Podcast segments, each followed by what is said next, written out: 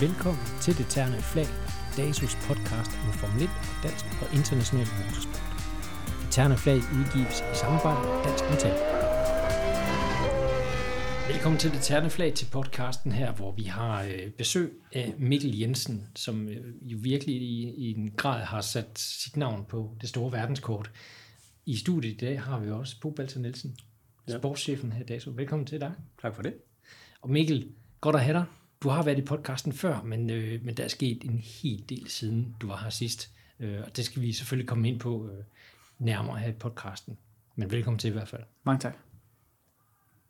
Ja, Mikkel, øh, jeg siger også velkommen. Det er dejligt at se dig. Det er jo ikke så tit, du er i landet længere. Du bor jo i Østrig. Øh, Så en gang imellem, så lægger du vejen forbi, og nu har vi så endelig fået lavet den her aftale med dig, øh, som vi jo, øh, som øh, Bo han siger, så har vi jo haft fornøjelsen tidligere, men det er efterhånden øh, flere år siden, ikke? så der, der er jo sket blandt andet noget meget stort med Peugeot, som vi kommer ind på her, ikke? men ellers havde jeg tænkt på, at vi lige sådan indledningsvis skulle snakke lidt om din karriere, hvordan det hele startede, ikke? Altså, og hvor du var henne på, noget, på et givet tidspunkt. Du havde været lidt rundt omkring, øh, også i de forskellige bilmærker, ikke? men, Jo, men, øh, men, men det jeg godt vil starte med, det er jo, øh, så du startede jo i go-kart, ligesom øh, langt de fleste, øh, der får en karriere i motorsport, gjorde, ikke? Men, men det var alligevel meget anderledes end, end mange af de andre øh, topkører, fordi du havde egentlig ikke en særlig lang øh, karriere i go-kart, og du startede også temmelig sent. Kan du ikke prøve at fortælle lidt om, hvordan, hvordan du egentlig kom i gang med sporten her? Jamen, øh, jeg kørte faktisk lidt cross, da jeg var helt lille. Øh, da jeg var 5-6 år gammel. Øh, men det var meget kort, og jeg var en af de allermindste på, på crossbanen. Så jeg tror hurtigt, jeg, jeg blev lidt, lidt bange for, når de andre de kom flyvende forbi. Øh, og så stoppede det faktisk der, øh, og, og, og begyndte at spille fodbold. Og så øh, spillede jeg fodbold i 10 år, øh, indtil jeg var 15. Øh, og så lige inden det her Race Hall of Champions løb, som, som kørtes i Race Hall hver vinter, som var en, jeg tror en adoption af det her Bremer-jagten, der kørte på Sjælland tidligere, men det var inden jeg var inde, inde i det. Øhm, og min far han gav mig så det i julegave, at jeg skulle over og, og køre det her løb i Race Hall, hvor at alle topkørende inden for dansk karting kom i den her juniorklasse under, under 16 år, tror jeg det var. Og øh, det var, altså jeg tror, jeg var en af de eneste, der kom uden nogen som helst baggrund. Jeg har været i Race Hall 3-4 gange sammen med en, en kammerat og, og vores fædre, og skulle så over og køre det her løb. Øhm, men tog det jo egentlig bare som sjov, fordi at, øh, jeg har kun kørt et par gange i racehold inden. Og når man så kom derover og, og egentlig var konkurrencedygtig mod mange af de der, der, der kørte øh, altså med i, i KF, i, i, i go-kart, øh, og lå og kørte i udlandet til, til VSK og i, i DKM, det tyske mesterskab, så så man lige pludselig, at, at der måske var noget i det her. Øh, og jeg tror, det er det, min far, fædre kan altid se noget, som, som måske bare er en, er en drøm. Men, øh, men han, han blev ved med at sige, ja, prøv nu, og, og, og, så, og så kørte jeg her. Jeg tror, det er der, hvor, der, hvor det gik op for mig første gang, at øh, der er måske noget med det her. Måske skulle man prøve at, at, at gøre noget mere seriøst med det. Øh, men udlejnings go-kart er jo udlejnings go-kart. Øh, så jeg blev ved med at prøve at, at finde lidt det negative frem over for min far med, at det er jo bare udlejning. Ja, men du, du kan godt. Og, øh, og så, øh, så efter det... Øh, var der faktisk lidt stillhed i, i et halvt års tid, tror jeg, og så hen mod sommeren øh, sagde jeg så til ham, fordi han, han gad ikke rigtig presse mig. Det var ikke ham, der sagde, nu skal vi ud og købe en go-kart og sådan noget. Jeg tror, han ventede lidt på, at, at jeg kom til ham, og hvis jeg ikke vil gøre det, så, så er det fint nok. Øh, fordi hvis, hvis det er fædrene, der skal drive dem, så kommer man aldrig videre alligevel. Fordi så stopper det på et tidspunkt, og så er der bare et stort økonomisk tab, og måske har man haft det lidt sjovt, men det kan jo være, at det er fædrene, der har haft mest sjovt. Og det er jo ikke sådan, det skal være. Altså, øh, så, så jeg tror, at der i sommeren øh, 2010 sagde jeg så til ham, at nu, nu vil jeg virkelig gerne køre, om vi ikke kunne finde go-kart. Og jeg kan huske, vi kørte altså fra Aarhus, hvor, hvor jeg er fra, og til Sjælland for at hente en, det er vel en gammel havelåg. Jeg kan huske, det, det var 10.500 for en komplet kørekar, øh, køreklar Rotax Junior go-kart, øh, med ekstra dæk og fælge og karburator, altså alting kører klar for, for 10.500. Øh, så, så det er forholdsvis billigt i, i sporten, øh, og det var, det var sådan, vi kom i gang øh, og begyndte at køre ikast. Ja, og det viste sig jo, som du selv var inde på, ret hurtigt, at du havde øh, ret godt øh, talent for det her, ikke? Altså, fordi du var faktisk på vej i en anden retning, i en anden sport, så vidt jeg ved, ikke? Altså, du spiller meget fodbold, øh, og var også en af, af de bedste, ikke? Og det kan jo være, at øh, AGF øh, er, gået glip af en, en topbomber her i dig, i og med, at du valgte øh, motorsporten, ikke? Men det har vi andre så til gengæld glæde af, ikke? Øh, Absolut. Ja, men, men du, fortsat, du, du kom altså i gang, ikke? Altså, og så kørte du øh, et par sæsoner i Rotax, som jeg har forstået. Øh, primært i IKAST og omegn. går jeg ud fra, fordi det var der, det ligesom er, er baseret. Ikke? Men du var aldrig rigtig ude at køre international go-kart? Øhm. Jamen, den første halve sæson kørte vi kun øh, noget, noget træning, altså i IKAST, og jeg kan huske, vi deltog i det sidste klubløb i året. Øh, og ja, det gik af helvede til for os i livet. Øh, vi manglede rigtig meget fart, og karten var, ikke, var der ikke. Altså, vi, vi havde ikke forstand på noget.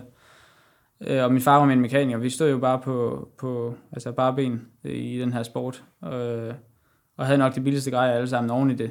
Og ingen viden. Så, så det var hårdt. Øh, men til, til sæsonen efter kom jeg så ind og køre øh, dansk, øh, altså Rotax DM, det, DRMC, tror jeg det hed, øh, under PB Carsten var, var Cosmic-teamet dengang. Og øh, der begyndte vi så at få, få lidt hjælp, øh, og, og der begyndte det at blive bedre. Øh, men stadig i, i min go-kart over, året efter kørte jeg Rotax Senior. Jeg, jeg synes aldrig, jeg, jeg fangede den. Øh, og jeg ved ikke, om det er, fordi jeg manglede topmekanikeren eller topbudgettet, men jeg, jeg synes ikke, go-kart var, Altså, jeg, jeg tror uanset hvad, om jeg havde haft det samme øh, altså økonomiske øh, Øh, baggrund, som, som nogle af de andre, der lå i toppen af Rotax, så tror jeg ikke, jeg kunne have været med. Øh, fordi go-kart ikke var... Altså, jeg har ikke været med fra start.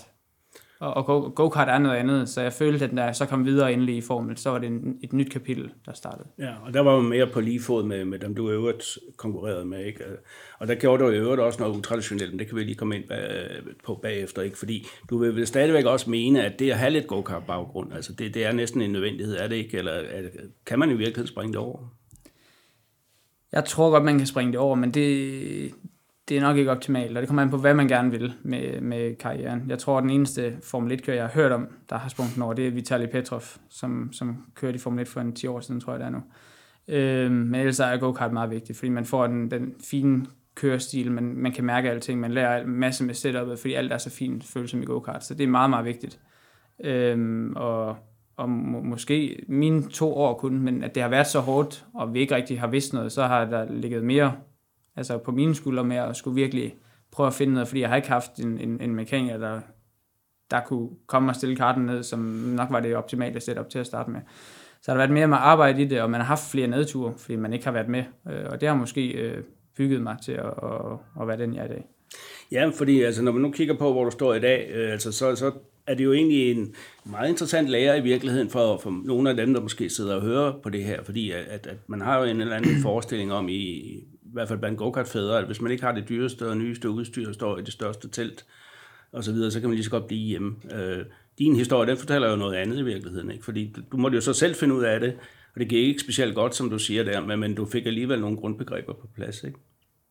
Ja, altså, jeg, jeg tror hurtigt i go-kart, at hvis man, man virkelig tager til, til udlandet og kører, en, en, altså hvis man kan køre rigtig meget, så, så giver det mening, øh, og, og, og også køre WSK og sådan noget, men kan man ikke, har man ikke budgettet til at, at køre meget, så er det måske bedre at køre på et andet niveau, men hvor man kan køre meget, i stedet for at køre få løb. Altså jeg tror, det er køretiden i go-karten, og det havde jeg rimelig meget af i, i mine to år der. Øh, selvom det var i en, en dårlig go-kart det første år, og, og kun noget klubløb og træning og sådan noget, og, og nogle DM-løb, men så havde jeg stadig meget tid i go-karten, hvor at mange andre nok øh, brugte meget tid i en kassevogn på at køre fra Spanien til Italien og rundt omkring, og så Rotax havde meget hårde dæk, de her Mojo-dæk, og det tror jeg, det gjorde, at, at man skulle arbejde meget mere for at finde den præcise kørestil. Hvor at øh, de bløde vækkerdæk på, man, man kørte på i, i KF-klasserne og i udlandet, øh, gjorde det måske nemmere, og, altså hvis man havde det rigtige setup, skulle man ikke arbejde så meget som kører selv. Øh, det er i hvert fald det, jeg har hørt fra andre. Øh, og jeg tror, at, at Rotax faktisk har været en god skole, især når man kommer ind i det som, som helt ny og kun havde de to år, fordi at karten kørte sgu ikke af sig selv. Altså det, nogle gange det, Rotax kører bare ikke lige så godt, som, som en, en KF gjorde. Ja. Og det gør, man, man skulle gøre mere som kører, tror jeg. Da du stod der som sådan dine dreng, øh, du har jo ikke haft, som du selv siger, ret mange løb øh, med i ryggen. Altså, vidste du, hvor, hvor det lå henne? Altså, vidste du, om det var dig, der var galt med? Altså, det var dig, der ikke havde farten, eller vidste du godt, at det var karten, eller, eller hvordan tog du det på det tidspunkt? Men jeg tror, at dengang jeg, jeg kørte go-kart, så jeg det ikke som altså noget, jeg skulle gøre til en, en profession en dag. Det skulle ikke, jeg skulle ikke være professionel. Nej. Altså, det var, vi, vi kørte, og vi, vi så, hvad det skulle blive til, og min far har altid lidt drømt om det, tror jeg. Men, men det var ikke sådan noget, jeg så, fordi der var mange andre, der var hurtigere end mig. Så hvorfor, hvorfor skulle jeg ende med at blive professionel racerkører? Fordi der, der var der 8 eller 10, der var hurtigere end mig i, i DM, så det skulle da være de 8 før mig. Øh, så så det, det tænker jeg faktisk ikke rigtigt på det tidspunkt. Og, og nu nævner du selv din far. Du kommer jo ikke fra den her historiske, øh, eller traditionelle karting-baggrund, altså hvor, hvor faren måske har kørt noget motorsport eller anden art, og så får børnene med ind, i, med ind i sporten på en eller anden måde. Altså prøv at fortælle lidt om, om hvordan du egentlig kom ind i sporten, for det er jo ikke din far, der sådan lige har hævet dig ind i det. Jamen, han, han har altid interesseret sig for, for race og sådan noget. Men som sagt, han har ikke, han har ikke presset mig. Og da jeg spillede fodbold, var det mig, der ville spille fodbold. Øh, og da jeg begyndte at køre go-kart, var det mig, der gerne ville køre go-kart.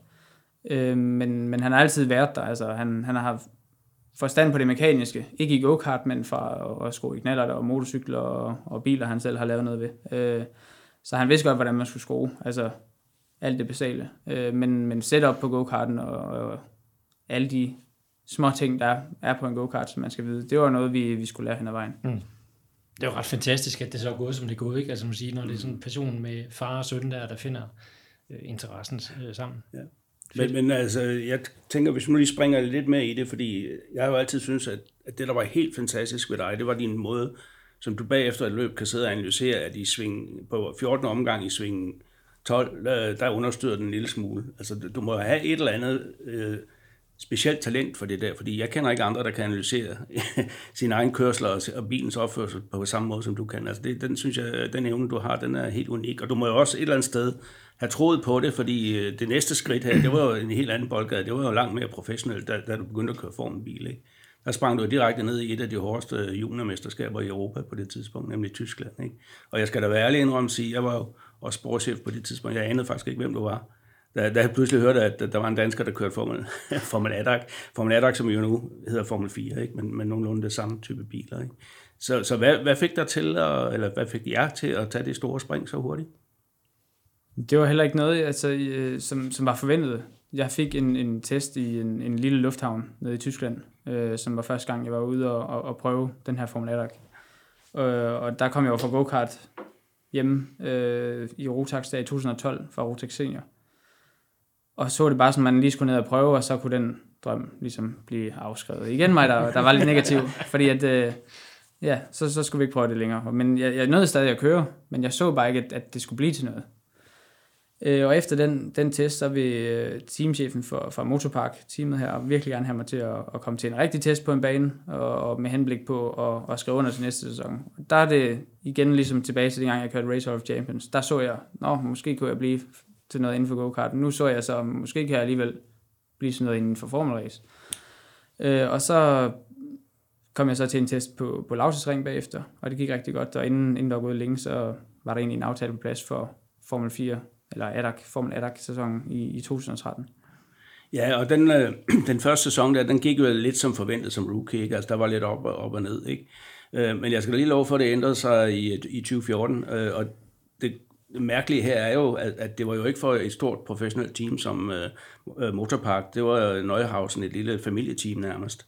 Øh, og jeg har lige læst lidt op på det her, altså du vandt, øh, der var 24 løb, og du vandt 10 af dem det år, ikke? Altså, og du har havde 8 pole position, du var hurtigst omgang 12 gange, øh, og du var 17 gange på podiet. Jeg tror ikke, den rekord. Øh, den står der formentlig stadigvæk, fordi der er ikke noget, der hedder Formel 1 længere, men på det tidspunkt det er det i hvert fald en ny rekord. Øh, så et eller andet tidspunkt der imellem 2013 og 2014 må der være et eller andet, der er klikket fuldstændig på plads. Jamen, jeg tror, den, den første sæson, der, der spillede alting ikke, og jeg kom som en, en rookie. Jeg havde gode Altså momenter igennem sæsonen, hvor, at, hvor jeg, jeg, jeg fangede den lidt i en, i en kval eller i et løb, men jeg var, jeg var for uerfaren. Altså i, i go-kart havde jeg kun de to år. Jeg havde ingen erfaring, så der kunne jeg godt have brugt flere, flere år øh, i go-kart. Jeg tror ikke, det vil have ændret min, min fart, altså min pace vil ikke have været anderledes, men min erfaring og, og min altså, evner til at, at tage de rigtige beslutninger i løbet, det var virkelig der, hvor, hvor jeg manglede noget, og, og, og arbejde under pres. Øh, fordi jeg var, jeg var sgu nervøs, da jeg sad i den formræse den første sæson. Og det, det gik ud over resultater. Det gjorde det helt sikkert. Øhm, og, og efter den sæson troede man jo så, jeg tror jeg sluttede 10 i den første sæson, der, øh, der troede man jo var forbi. Øhm, og endte så med at få en aftale med et, med et lille familieteam, et østers team, Neuhauser Racing, til, til sæsonen efter. Og der gik man ind til sæsonen lidt uden, uden forventninger, fordi at, ja, det var sådan lidt det, det kunne blive til. Det var faktisk ikke engang det team, man havde lyst til at køre for, men det var det, det kunne blive til økonomisk, og Øh, så i løbet af de første par tests, så var man, var man mere nede på jorden, helt rolig, øh, og, og der spillede det bare. Altså, vi var, vi var virkelig hurtige.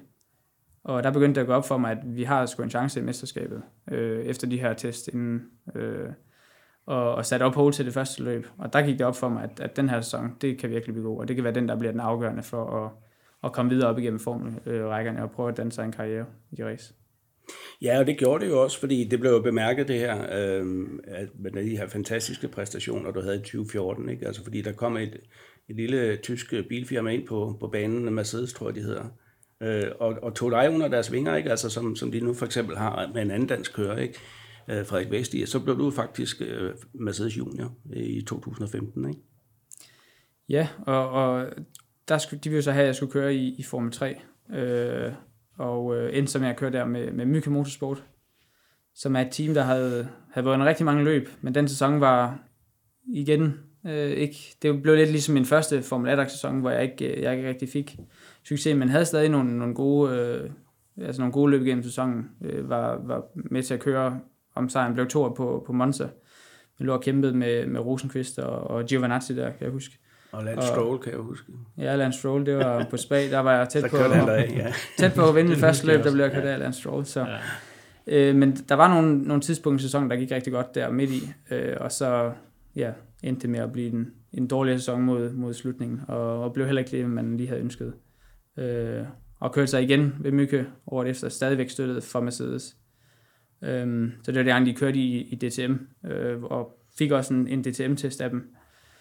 Så det var, det var en interessant tid også, og, og tiden i Formel 3, selvom det ikke var den, den bedste tid resultatmæssigt, så, øh, så er det den, der har, har givet mig mest erfaring. Fordi de biler skal køre så præcist, øh, for at man er hurtig. Og, og, og altså, den måde, du læser data på, og de ingeniører, du arbejder med, det er næsten på Formel 1-niveau i forhold til at finde det rigtige setup på bilen. Og alt skal være virkelig finjusteret, for at, for at det spiller.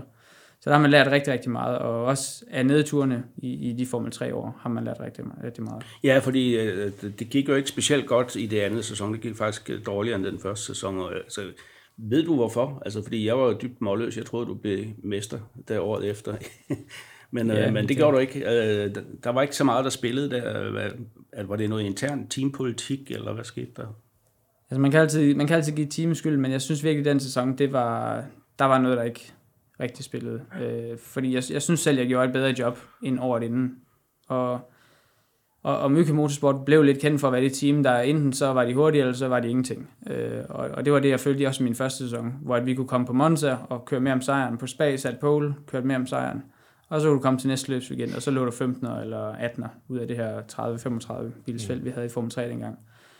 Så, og, og man forstod ikke, hvorfor. Og det var, tror jeg, det var det, næsten det hårdeste at forstå. Det var frustrationerne i det at man vidste ikke, hvorfor. Altså, øh, og, og Myke var gode, men de havde ikke, det var den tid, hvor, hvor alle teams, øh, altså der begyndte at være større forskel på teamsene med, at altså nogen som Prema, de havde et, et helt, øh, altså et computerprogram, der ligesom kunne programmere et, et setup, inden man kom til løs igen. Så de kunne indkode i den her, øh, i, i det her program, øh, noget de har investeret mange, mange millioner euro i. Øh, asfalttypen på banen, højde på curbs, øh, alting kunne de, altså temperatur og vind, øh, alt muligt kunne de sætte ind i det her. Og så vil de bare give dem et setup til, at det her setup, det er det optimale til at køre på banen med. Mm. Og i Formel 3 havde vi kun øh, seks testdage på et år. Øh, og ja, til løbsweekenderen havde vi to træninger, så skulle vi køre løb.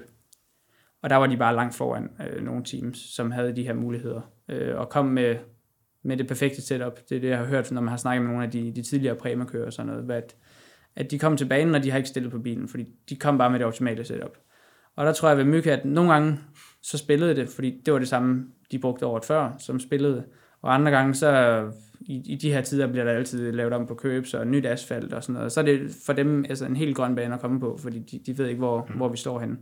Og så er to træninger bare ikke meget til at finde det. Og så begynder man at, at lave nogle ting på bilen for at indhente det, det tabte, og så går det i den gale retning, og så øh, ender det ikke med at blive godt. Altså. Mm. Og, det, og det tror jeg, vi endte lidt i, i, i de to Formel 3 år nogle gange. Mm. Jeg går ud fra, på det tidspunkt der i Formel 3, der var det jo stadigvæk Formel 1, du så foran dig. Eller, eller havde du en, en anden tanke, du snakker også om DTM for eksempel, det var jo specielt i de, i de år, var det jo en kæmpe klasse, ikke? den er faldet lidt af på den, ikke? Men, men var det Formel 1, der var målet, eller ville du bare være professionel racerkører, eller hvordan så du på det? Altså Formel 1 var jo altid en, en, en drøm, men, men jeg var rimelig hurtigt realistisk med det. Øh, som sagt, fra, fra, fra starten af troede jeg ikke engang, jeg kunne blive professionel racerkører. Så, men det begyndte at ændre sig, man begyndte at se, at, øh, at Formel 1 måske kunne blive en mulighed, øh, men det kræver også en, en økonomisk opbakning, ud over det sædvanlige. Øh, så jeg tænkte egentlig ikke så meget på Formel 1, men DTM var nok i en, i en lang periode målet, også for, fordi man var under BMW's vinger her øh, i deres DTM junior-program, hvor man... Ja, det var så året efter, du kom der, efter du havde kørt med Mercedes i to år, ikke? Det var mens jeg kørte med Mercedes i de to år. No. Og jeg var under deres DTM junior-program, hvor jeg var ude at køre i DTM-bilen og sådan noget. Øh, og det var der, man, man så, at det måske var, var det største, man kunne, man kunne opnå. Og i den periode var de her Class 1-biler, altså i DTM, en, mm. en mega fed bil. Og også noget af det fedeste, jeg har kørt. Øh, så det var, det var målet på det tidspunkt. Øh, og så trak Mercedes sig året efter fra DTM, og så blev det også svært at komme ind der, og så endte man lidt på, på bagben efter det.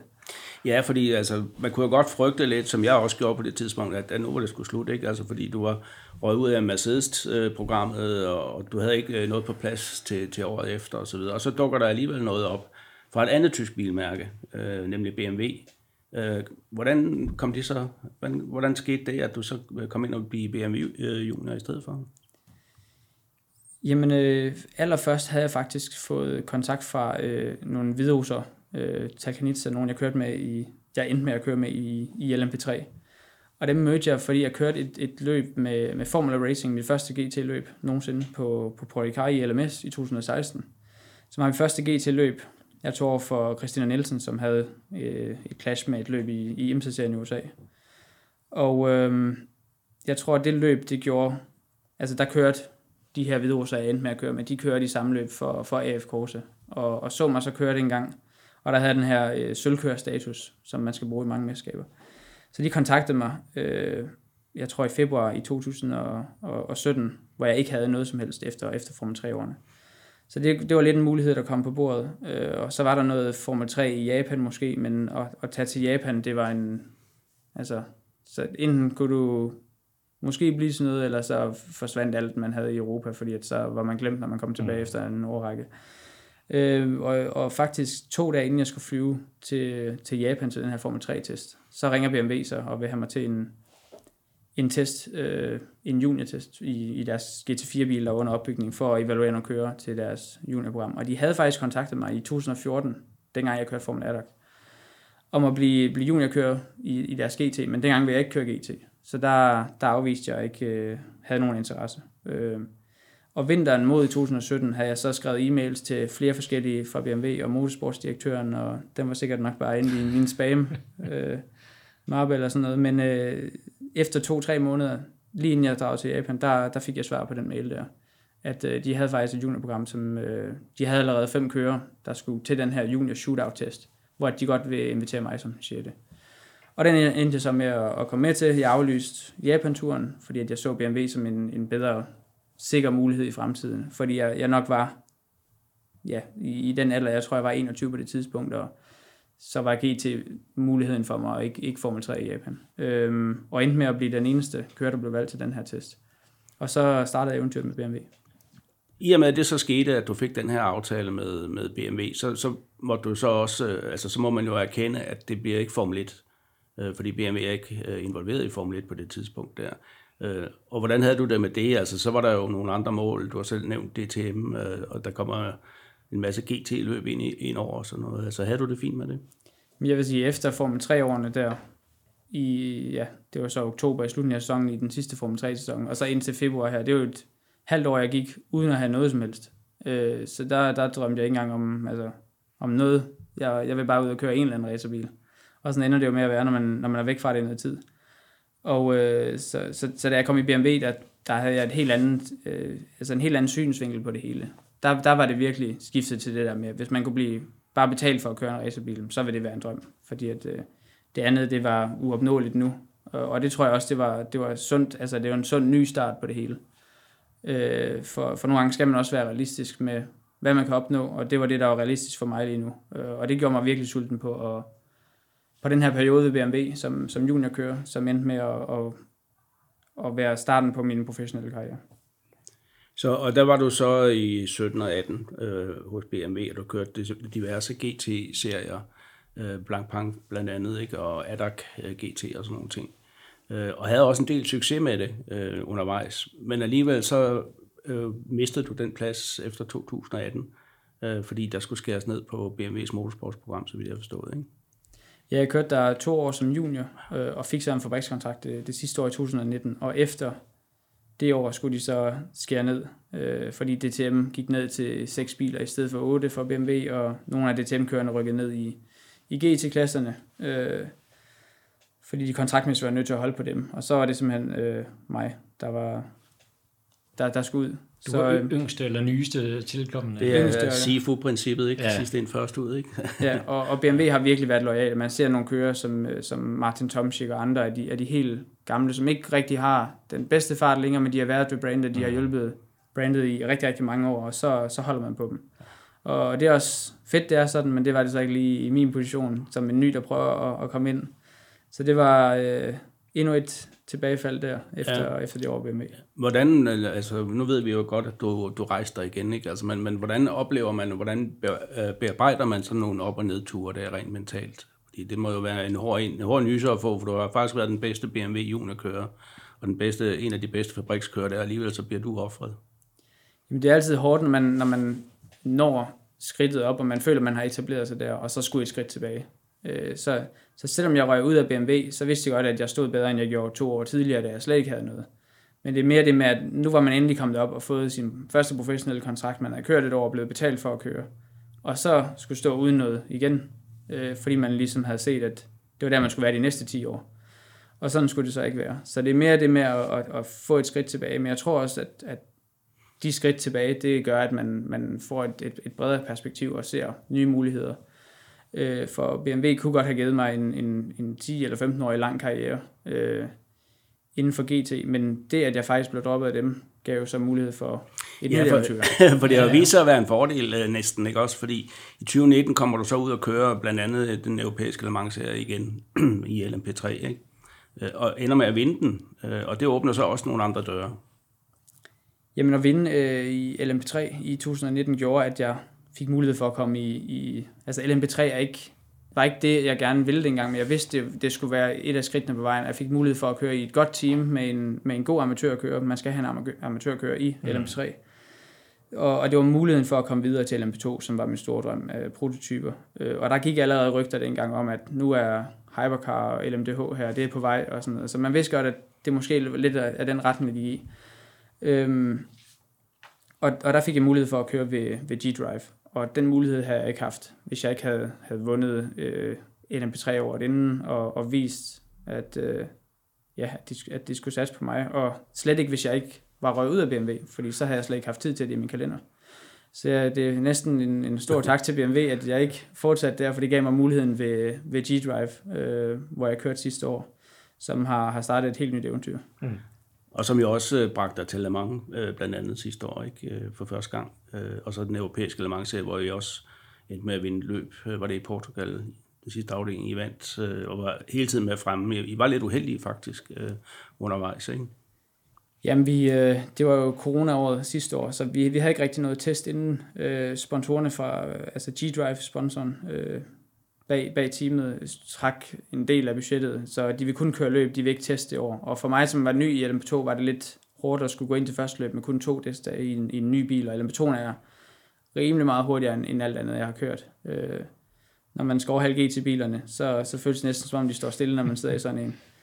Øh, så, så det var, det var noget nyt, og, og, der, og jeg lavede en fejl, at jeg kørte kørte faktisk øh, galt på spag, som gjorde, at vi måtte, måtte udgå af et løb, og vi havde nogle andre øh, problemer, både teknisk og, og også på strategien. Altså det var, ikke, det var virkelig ikke vores år, øh, hvis man ser bort fra, fra vores fart. Farten var der altid, øh, men vi fik bare ikke øh, eksekveret, altså vi fik ikke vundet nogen løb ud over det, det aller sidste i Portugal. Så det var et hårdt år, øh, resultatmæssigt. Men øh, jeg tror, det var, det var vigtigt, at jeg fik den afslutning og, og vandt det sidste LMS-løb. Ja, plus, plus øh, indsatsen på Le Mans, altså fordi den var jo øh, først klar, ikke? Det var første gang, du var der. Nej, du havde kørt LMP3 på den tidligere i, i der opvarmningsløb året før, ikke?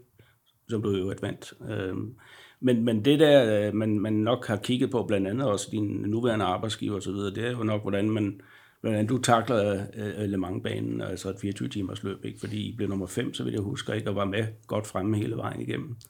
Vi havde Janek Verne med, med, med Rushinov på Le Mans, ja. og, og Le Mans er det, som de store fabrikker kigger efter. For det er Le Mans, alle, alle gerne vil vinde. Ja. Øh, og de nye teams her, altså Peugeot inden for Hypercar, så, så det er der, de kigger. Øh, og kan man køre hurtigt på Le Mans, så tror jeg egentlig, de næsten er lidt ligeglade med det andet. Fordi det, det er ikke der, de rigtig kigger. Det er Le Mans, der, der er det højdepunktet. Og, og det er der, det gælder om at være hurtig. Og jeg, jeg var faktisk på Le Mans første gang i LMP2, der har kun kørt opvarmningsløbet der i, i Le Mans-koppen i LMP3'en over det inden.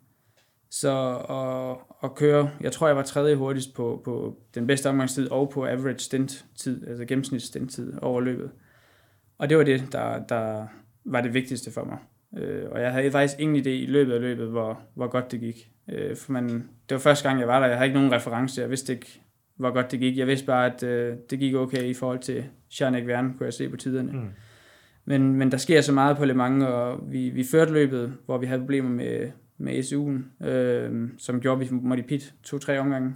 Kom ned på en 18. plads, tror jeg. Der er 8 timer inde i løbet. Kæmpede så tilbage på en tredje plads, og så røg juleophængende i den sidste halve time. Så det var noget af en, af en rutsjebane, vores første Le Mans. Men, men det gjorde også bare, at man, man, man følte sig fri. Vi havde ikke noget at, at køre for, da man var nede som 18. Plads, på 18. pladsen, mm. hvis vi ikke kunne vinde løbet. Øh, og, og vi havde ikke engang troet, at vi kunne komme, altså at, at et podie var inden for, for rækkevidde. Så det gjorde bare, at vi gav fuld gas. Altså, man tænkte ikke over, at, at nu kunne der gå noget galt. Og det tror jeg også har hjulpet på, på statistikkerne også. Altså, fordi at man har bakket alt, man havde. Øh, og der var ikke noget mist. Og vi fik at vide af teamet, at øh, nu skulle vi bakke gas. Og Rushinov, som, som var chefen der, var, at han ville hellere se bilen i hegnen, end, end vi ikke kørte hurtigt nok. Så, øh, så det var det, der det gik op i. Altså, køre så hurtigt, som vi overhovedet kunne, og, øh, og det var det vigtigste for mig i forhold til min fremtid. Ja.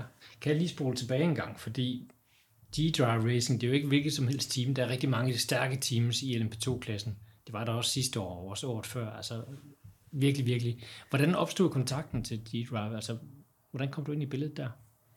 Jamen, jeg kørte jo i LMS de tre år.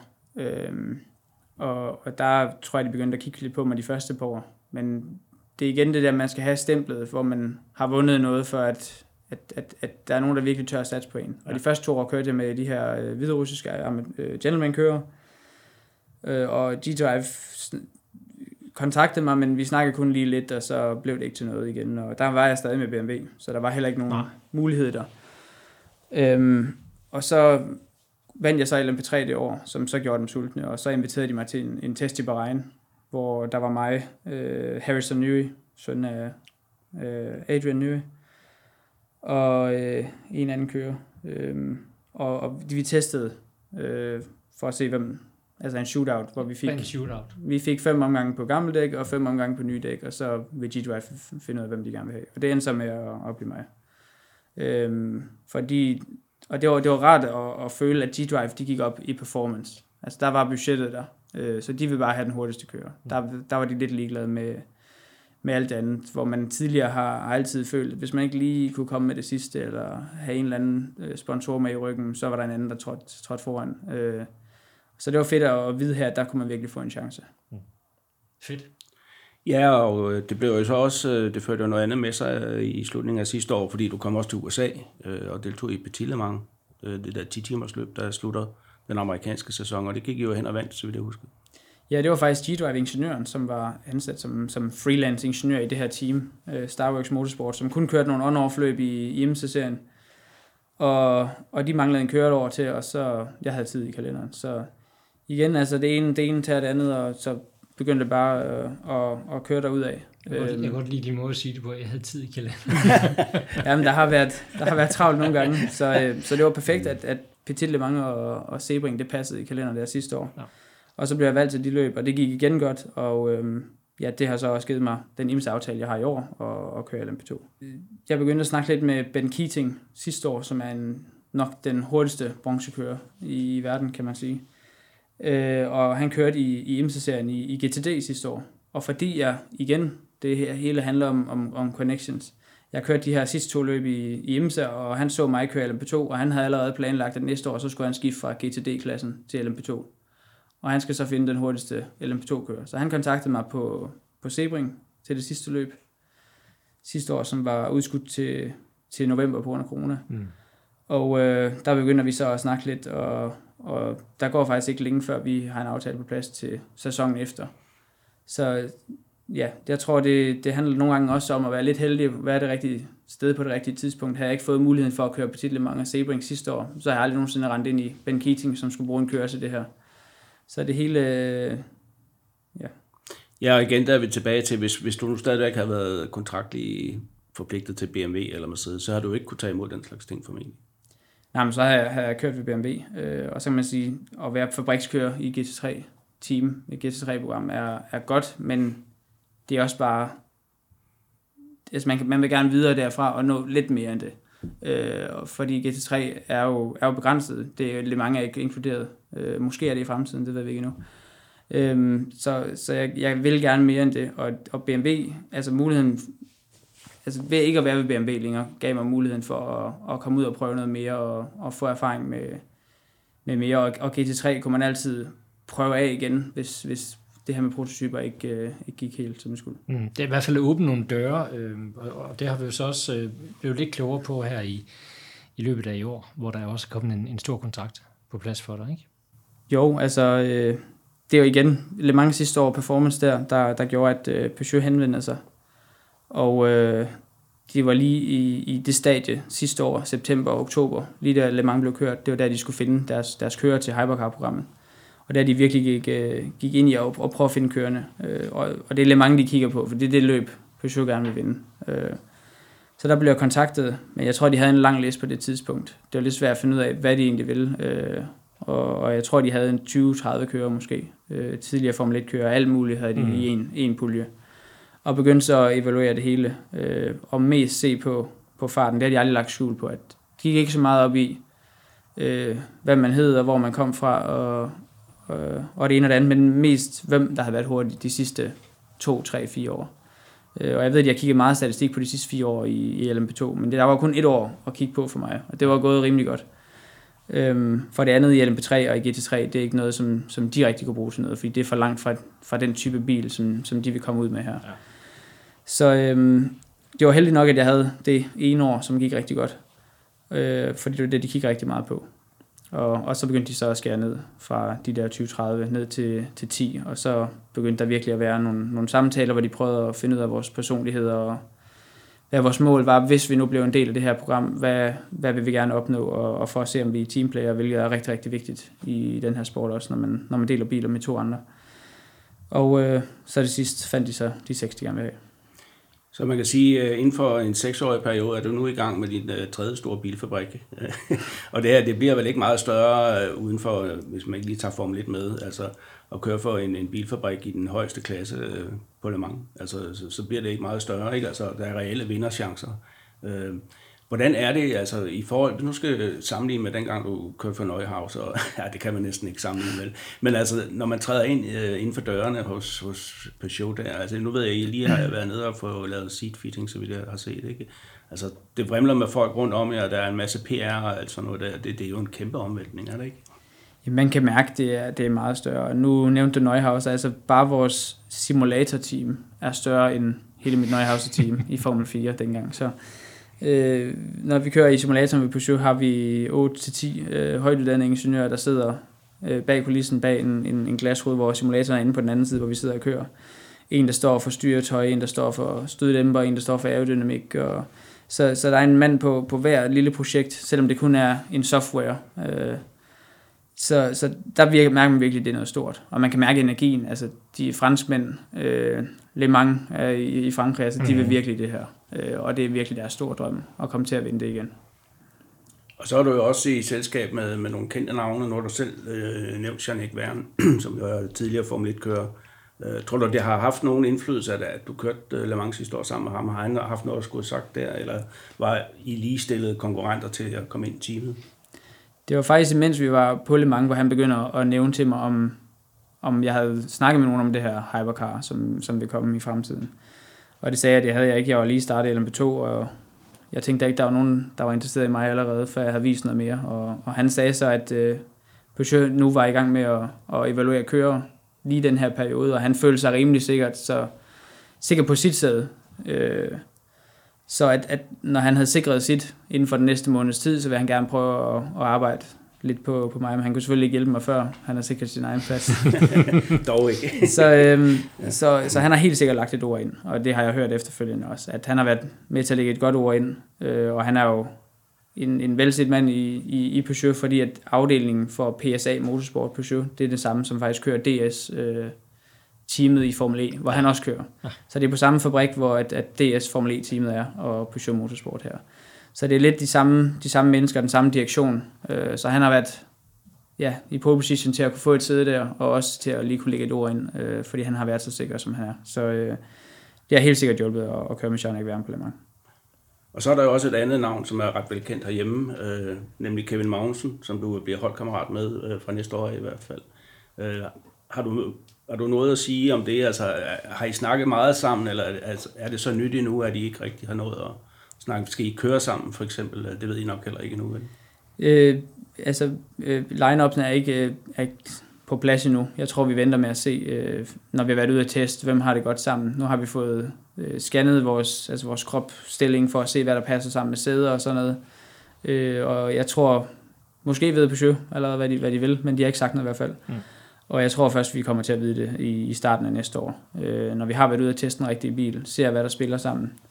Øh, og så kan jeg jo forestille mig, at der også er noget, noget marketingmæssigt i det. Øh, så hvis jeg skulle ja, sige, hvad jeg tror, så kunne jeg ikke forestille mig, at mig og Kevin kommer til at køre sammen. Jeg kunne heller ikke forestille mig, at man stiller to franskmænd Nå. sammen, fordi at man gerne vil sprede nationaliteterne.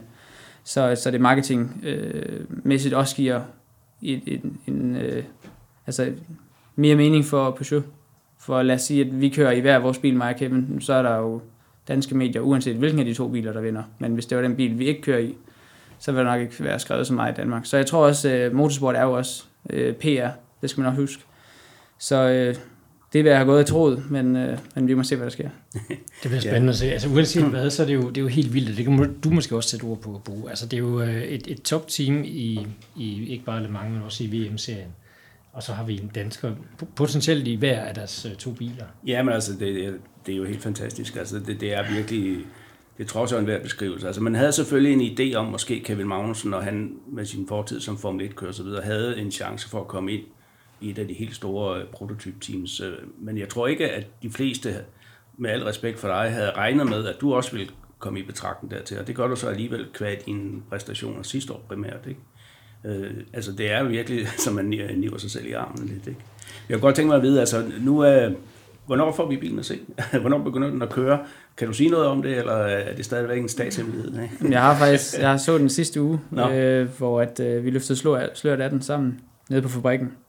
Så det har kun været en, en, altså en mock-up model, så det har ikke været den, den rigtige bil, vi kommer til at køre med. Så det har jo været uden motor, uden øh, hjulophæng og alt det der. Men den har stået sådan, ser ud som, som den skulle, og den, den har været testet i, i vindtunnelen. Så aerodynamisk, aerodynamisk ser den ud, som, som bilen kommer til at se ud, øh, mere eller mindre. Og den bliver offentliggjort, jeg tror, i juli måned. Okay. Øhm, så vi kommer snart til at se den, og der er helt sikkert noget at glæde sig til, for den ligner ikke noget af det andet, man, man har set i Hypercar indtil videre. Når vi snakker om de der nye øh, regler for topklassen i Le Mans, der, så er der jo på øh, en eller anden mærkelig måde to forskellige reglementer, som man prøver at køre sammen i LMH. Øh, hvad, hvad, har du nogle kommentarer til det? Hvad, hvad tror du vil være, hvem vil vinde? Altså, er det bilfabrikkerne, der bygger bilerne selv, eller er det den anden gruppe, hvor man laver en, en bil på basis af en LMP2, og så øh, ligesom, lidt ligesom man har i USA, ikke? Jeg vil sige, at øh, altså LMH Hypercar har måske en fordel over øh, LMDH, fordi vi har firehjulstræk. Øh, det må så kunne slå til fra 120 km i timen og til 200. Øh, så det er i det område, hvor at, at, at det må trække på foraksen. Mm. Og det er noget, man, man koder ind, øh, hvordan det skal fungere. Øh, og det, det er lavet fra 120, simpelthen for at man kan køre dem sammen. For i, i LMP tidligere her, øh, med Toyota, Porsche og Audi, har de kunnet trække på, på forhjulene også fra bunden af. Ja. Øh, og det har man gjort for, at hvis der er regnvejr, for eksempel, så vil det være unfair, hvis, hvis man havde firehjulstrækket øh, nede i de lave hastighedssving, fordi så kan man hente flere sekunder på en omgang. Så det har de gjort simpelthen for, at der er mulighed for at flette de her klasser sammen. Og hvordan det bliver gjort, det, øh, det ved jeg ikke. Jeg kunne forestille mig, at det bliver noget af et arbejde at, at lave den her BOP, Balance of Performance, på, på de biler, der kommer. Men øh, jeg synes, det var underligt, hvis Hypercar i hvert fald ikke er favoritterne, vil jeg sige. Fordi fabrikkerne bygger deres egen bil. Det er større budgetter, end, end LMDH kommer med. og, og så med firehjulstrækker, det, det burde ikke være nogen ulempe. Men i sidste ende, så er det Balance of Performance, der kommer til at have en, en, en stor indflydelse også. Men der må alligevel være nogle af jeres konkurrenter, der, der tror på den anden øh, løsning, fordi du ser en Audi øh, og, og Porsche, der går den vej med, med, med LMDH. Ikke? Øh, Ferrari ved vi ikke rigtigt endnu, enten de siger, de kommer. Øh, så er der Toyota, de bygger ligesom Peugeot. Øh, Glickenhaus, tror jeg, de hedder, øh, som også bygger deres egen bil. Ikke? Øh, der bliver sat sig sådan lidt på forskellige fronter. Jamen, øh, LMDH-bilen kan jo køre i IMSA, og, og det er sådan lidt, hvad, hvad der giver mening for de forskellige mærker. Så, så Audi og Porsche vil gerne kunne køre Daytona og Sebring, og det kan Peugeot så ikke. Øh, nu er det så på tale, om, om det skulle være muligt, men det er i hvert fald ikke det, der er planen til at starte med. Så man kan sige, at LMDH er lidt et projekt, der er startet fra, fra IMSA's side af, øh, og LMH Hypercar er noget, der er startet fra SEO, fra, fra Le Mans-fonden. Mm. Øh, og, og IMSA har så været, haft svært ved at, at kunne lave den her klasse med Porsche og Audi, hvis de ikke også fik lov at, at køre i Le Mans. Så der har man så fået lov at bruge bilen begge steder. Så LMDH kommer til at køre både i IMSA og i VC, og Hypercar kan kun køre i VC, som det ser ud i øjeblikket. Øh, men jeg kunne forestille mig, at, at Peugeot og Ferrari prøver at presse lidt for at få lov til at køre Daytona, øh, Sebring og sådan noget. Så det er svært at sige, hvad, hvad fremtiden lyder på. Spændende er det i hvert fald, øh, og det bliver helt vildt. Øh, men jeg synes, jeg har hørt eller læst på et eller andet tidspunkt, at I forventer ikke, at øh, jeres bil bliver klar til Le Mans i 2022, øh, men først senere på året, eller, eller hvad, hvad tror du, hvad har I fornemmelsen af? Jamen, Peugeot har sagt hele tiden, at øh, hvis de ikke kan stille op med forhåbning om at vinde, og altså hvis bilen ikke er klar til at, at være, være på de her 24 timer uden problemer, øh, så vil de ikke stille op. Øh, og det synes jeg også er den, er den rette beslutning. Øh, for det er meget tidligt i projektet, og øh, det blev faktisk lavet efter den her super season, der kørte i WEC, øh, hvor at man startede i september måned. Så det, det, det hele er bygget op efter og skulle mm. starte i september. Så på grund af corona blev sidste år udskudt øh, og sluttede så ikke på, på Le Mans, men Bahrain kørte videre til sidst på året. Og så har man lavet øh, VC tilbage til at køre det normale kalender.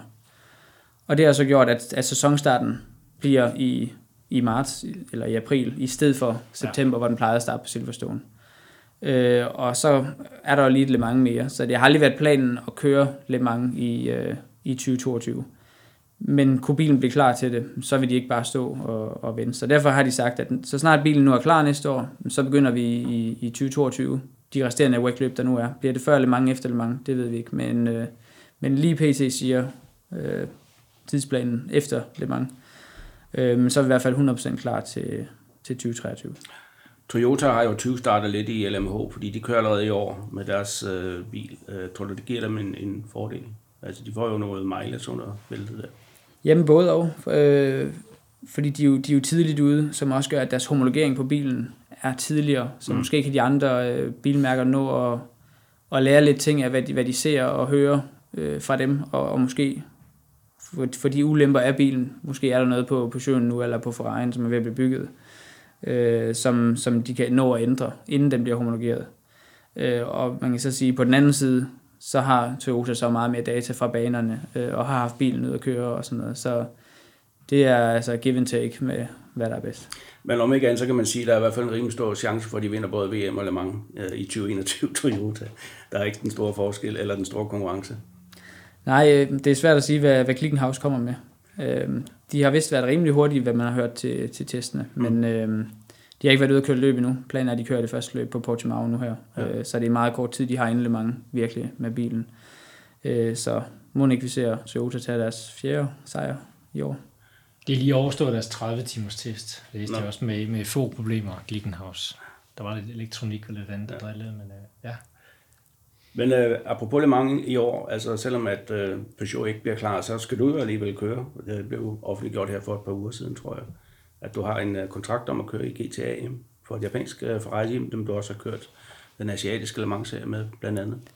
Ja, jamen øh, det var svært at finde noget i, i LMP2 i år, som vil være det optimale for at, at være klar til, til Peugeot næste år. Men i og med, at DTM er lukket og sådan noget, så er der kommet mange kører på, på markedet. Der er mange med økonomi på markedet. Øh, Robert Kubica blandt andet, der kørte DTM sidste mm. år, tidligere Formel 1, som har rigtig mange penge med i, i LMP2 og sådan noget. Der er mange kører af dem øh, nu her. Og derfor har det været svært at finde noget øh, i år, uden at skulle, skulle have penge med. Så Peugeot var, og, og også var enige om, at, øh, at, at GTM ikke er en, en dum mulighed. Øh, man kan lære noget i forhold til trafikken på Le Mans. Øh, så har man også prøvet at se det fra det perspektiv, øh, og ved, hvordan det er at blive overhalet af hypercaren, når man selv kører den. Så øh, jeg tror, det er fint, og nu er jeg vant til at køre alt muligt forskelligt, så, så det bliver ikke noget nyt for mig at skulle prøve endnu en bil. Nu har jeg ikke kørt øh, den her GTE for jeg har kun kørt GT3 før.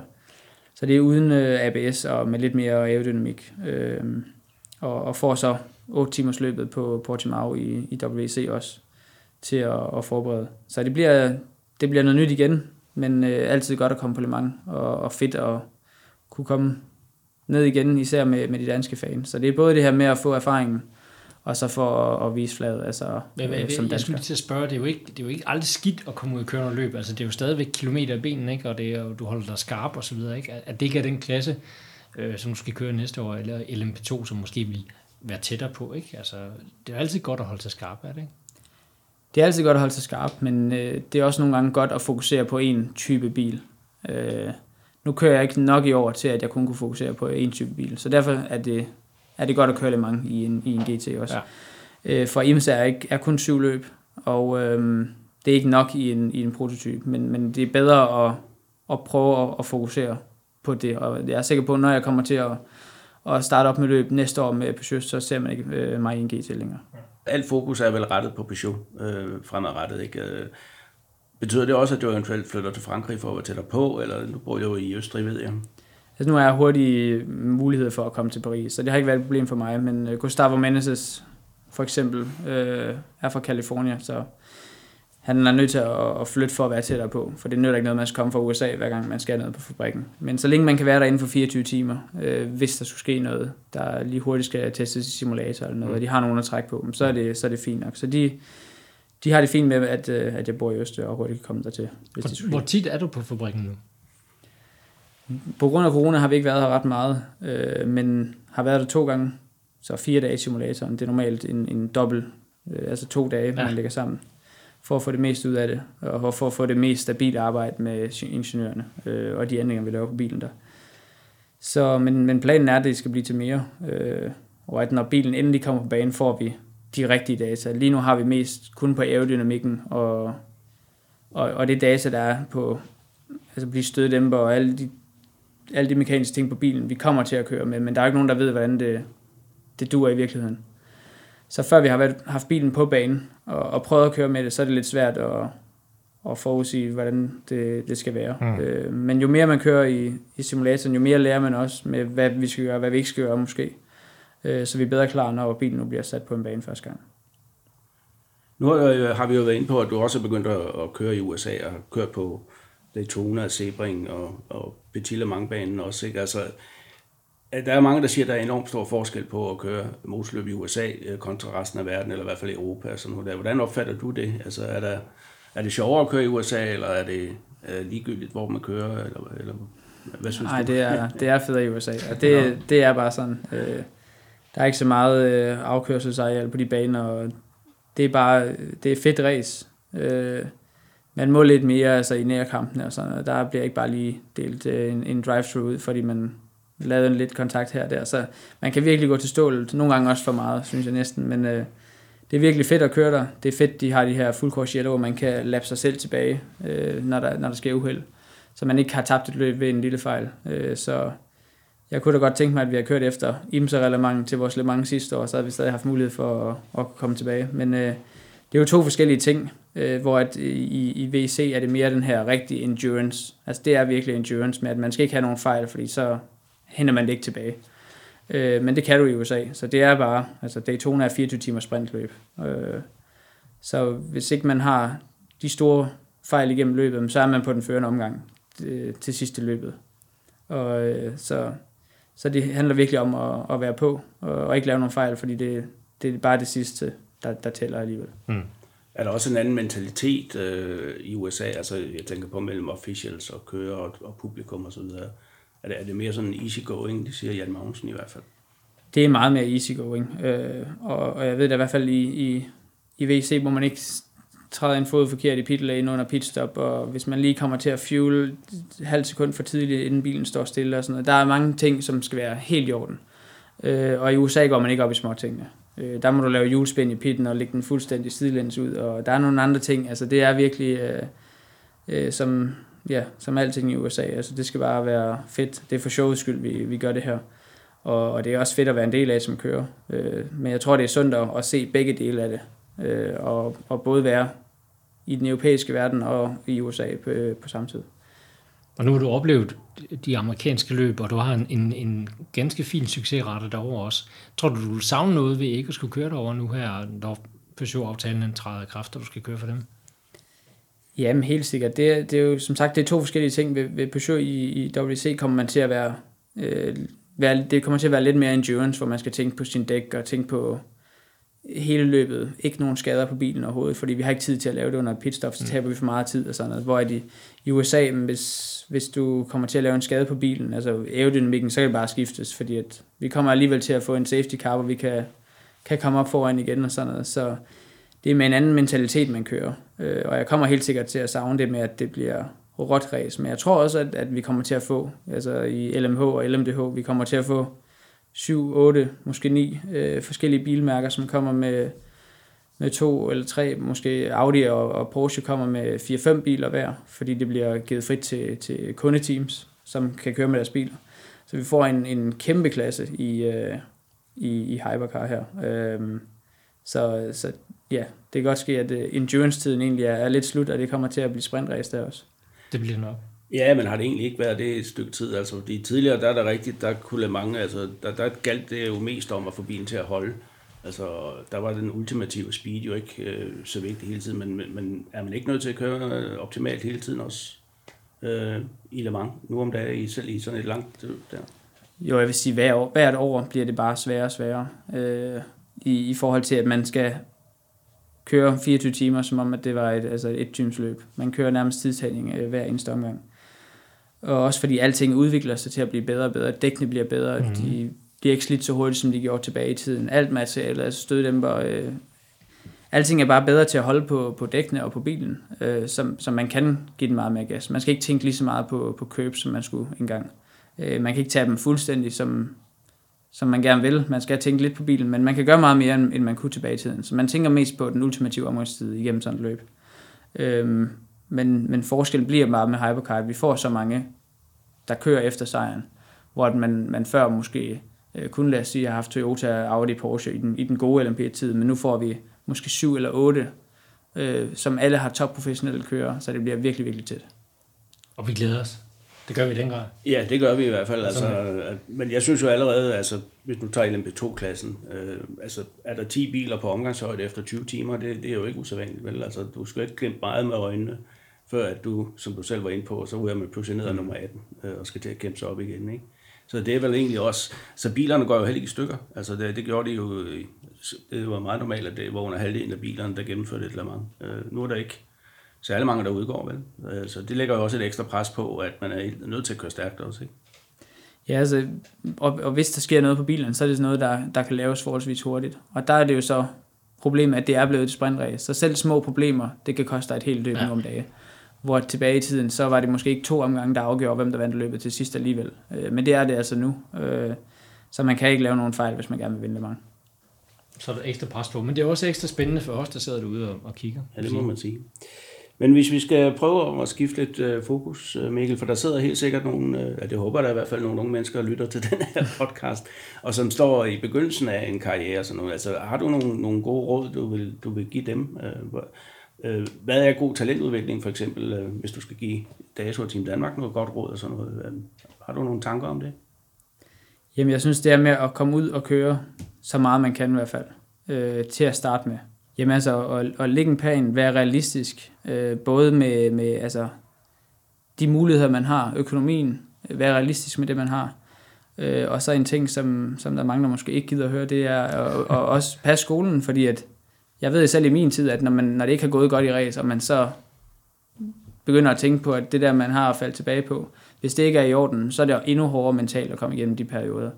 Øh, så hvis jeg kunne lave en ting om i min vej opad, så var det at, at have gjort mere i skolen. Altså at, at have, have fordi hvis jeg havde det på plads, så i min, i min hårde perioder, for eksempel i Formel 3, hvor man tænkte, Nå, men nu skal jeg måske ikke køre mere race, men så vidste man, at hvis det ikke bliver til noget, så er det kun øh, altså racerdrømmen, der glipper. Det er ikke det økonomiske, der glipper, fordi så har man noget andet. Øh, så det, det synes jeg er vigtigt. Det er vigtigt, at man ikke kun har den ene ting. Øh, så man skal give den 100%, det er det, der skal være ens mål. Selvfølgelig skal det det.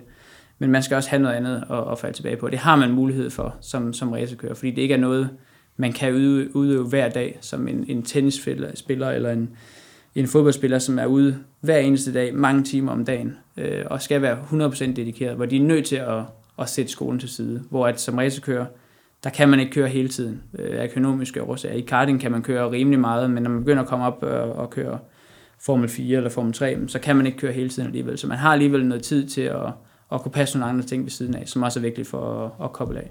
Så altså fjerne et ekstra pres på skuldrene, hørte dig lidt sige. Var det et pres, du selv følte, du havde? At du måske ikke havde noget at falde tilbage på, da du stod med de der store karrierevalg?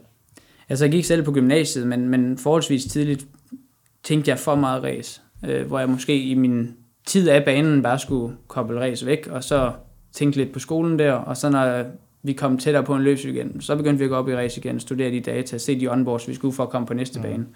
Fordi når man har de der 3-4 uger mellem løbet, så nytter det ikke noget at kun tænke race hele tiden. Øh, så er det godt nok at koble af nogle gange, og så kunne man jo bruge tiden på skolen, fordi det er altid godt nok at, at være uddannet, især i ja, dagens Danmark, hvor uddannelse er, er vigtigt for at kunne få et job fremadrettet. Og den er ganske gratis også i Danmark, det skal man også huske, Ja. ikke? Altså, Men, det men, men nu siger du selv, altså, at der kan gå en 3-4 uger imellem, du kører, øh, eller sidder i en racerbil, eller simulator og sådan noget. Altså, hvad, hvad gør personen Mikkel Jensen sig selv? Altså, du bor i Østrig der. Hvad, har du nogle hobbyer ved siden af? Læser du en god bog, eller hvad, hvordan øh, klarer du den ventetid, der er mellem løb? Ja, nu i, i Øster er der rigtig, rigtig fed natur. Øh, vi har en sø, der hvor jeg bor i bjergene, så jeg er meget op og vandre i bjergene og bruge tiden i, i naturen. Jeg har jo en simulator derhjemme, så, men, men det er mere det, det, det sjove. Det, det skal være sjovt. Øh, så jeg kan føle nogle gange, at hvis jeg kører alt for meget simulator, så begynder man at gøre alt for meget for at finde det der sidste noget, og så bliver man lidt irriteret. Så det er mere med at, at have det sjovt med det.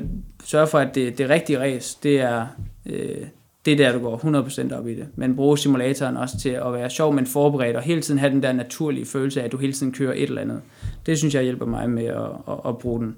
Men jeg bruger ikke simulatoren til at, at, at virkelig finde den, den aller, aller sidste tiendel øh, hele tiden, fordi så sætter man også et pres på sig selv, øh, og man er et konkurrencemenneske.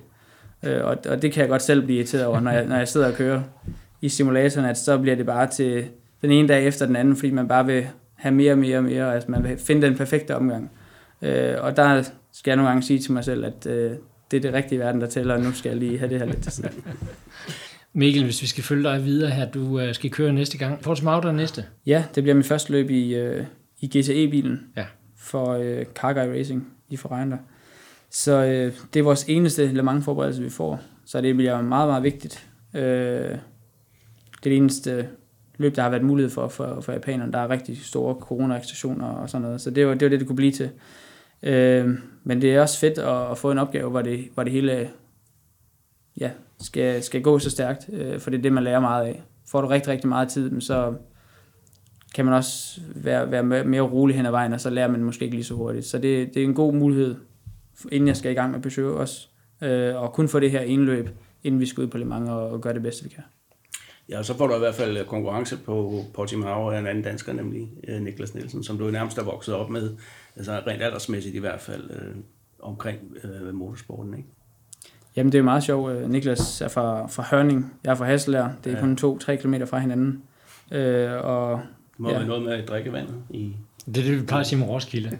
og i gamle dage om Sønderjylland, ikke? Men, Men det bliver da, det bliver da helt sikkert øh, svært at følge med ham. Han er vant til at, at sidde i den. Det er jo hans hjem, den her fra Ja. ja. 488 øh, GTE, og nu bliver jeg bare sådan en gæstekører, kan man sige. Så jeg får det helt sikkert svært på Portimao. Men det er i hvert fald øh, det er nemt at følge jer, fordi den bil, der du skal køre, den er skriggul. Den er, den er der til at få øje på i hvert fald. Ja, helt sikkert. Det er japanernes yndlingsfarve, så man skal bare se efter den neon gule farve. den holder vi øje med, så. Ja, I det mindste så kender du banen på Timau, der har du kørt forskellige gange. Ja, og, og, og den. sidste gang vi, vi kørte, der vandt vi i LMS-løbet sidste år. Så Ja, ja. vi har kørt der meget, kender banen, bare ikke kørt der i en GT, så man skal altid lige finde sig til rette i den nye bil. Apropos baner, altså hvilken bane, har du en favoritbane? Det kedelige svar, som alle andre siger, Nå, spag. ja. spag. det må jo nok være yndlingsbanen. Jeg synes også, øh, Sebring var fed på en, på en måde, hvor at, øh, man kunne næsten blive irriteret over, hvor, hvor svært det er at finde den perfekte omgang på Sebring. Fordi at der er så meget med underlaget. Det er ikke noget med, at, at man kan sige, her er ideallinjen. Det hele, det er banens natur, man skal have fat i. Og jeg var der jo det, det ene år, sidste år i LMP2, og var her sidste år, jeg blev ved med at lære igennem løbet, og føler mig stadig som, som en rookie på Sebring, fordi der er så mange linjer, du kan køre, og du kommer i en omgang, hvor du føler, at det her det er den perfekte linje, og så rammer du et bump, og så har du tabt to tiendel. Så man kan bare blive ved med at finde noget der. Øh, og det er virkelig en bane, der, der er interessant og anderledes, fordi man har mange forskellige asfalttyper, grebet. Øh, så, så Sebring er også en af mine yndlings. Men det er sådan lidt et uh, love-hate relationship med Sebring. Men det er i hvert fald old school. Ja. Det er også en bane, der er kendt for, det er der, man tager over for at teste bilerne, ikke? for at se, om de holder. Ja, hvis de kan holde der, så kan de holde alt. Så kan de holde til 24 timer på Le Mans også, ikke? For eksempel. Ja. Ja. Perfekt. Mikkel Jensen, det var øh, super interessant at have dig inde i studiet der, og høre lidt mere om din karriere og, og om din fremtid også. Og øh, vi krydser fingrene for dig i, i Portimao, når det går løs. Nu her. ja, mange tak. Det var hyggeligt. Det var godt, du kunne komme forbi. I studiet var altså Mikkel Jensen og Bo Belser Nielsen, sportschef i DASO. Undertegnet Bo Skovfod. Vi høres ved derude.